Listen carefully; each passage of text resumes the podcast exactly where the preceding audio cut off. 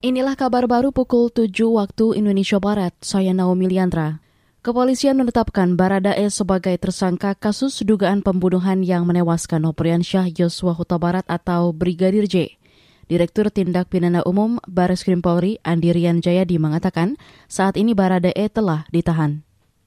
Hasil penyidikan tersebut pada malam ini penyidik sudah melakukan gelar perkara uh, dan pemeriksaan saksi juga sudah kita anggap uh, cukup untuk menetapkan Baradae sebagai tersangka dengan sangkaan pasal 338 KUHP, contoh pasal 55 dan 56 KUHP. Pemeriksaan ataupun penyidikan tidak berhenti sampai di sini, ini tetap berkembang. Sebagaimana juga rekan-rekan ketahui bahwa masih ada beberapa saksi lagi yang akan kita dan pemeriksaan di beberapa hari ke depan. Itu tadi Direktur Tindak Pidana Umum Baris Krim Polri, Andi Rian Jayadi. Sebelumnya, kepolisian menyebut terjadi baku tembak antara Brigadir J dan Baradae di rumah dinas Kadif Propam nonaktif Verdi Sambo. Kepolisian menyebut baku tembak yang menewaskan Brigadir J karena diduga melecehkan istri Verdi Sambo.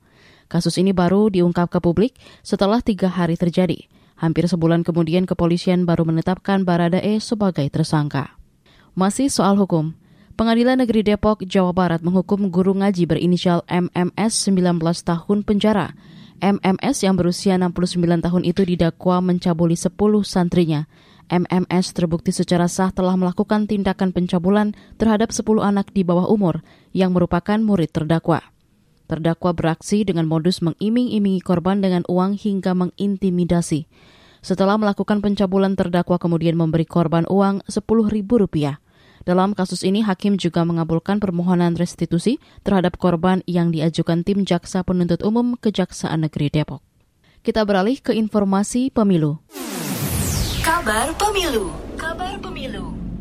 Komisi Pemilihan Umum KPU telah menerima pendaftaran 11 partai politik calon peserta pemilu 2024 hingga hari ketiga pembukaan. Anggota sekaligus koordinator Divisi Teknis KPU Idam Holik mengatakan delapan parpol telah melengkapi dokumen dan tiga lain sedang melengkapi.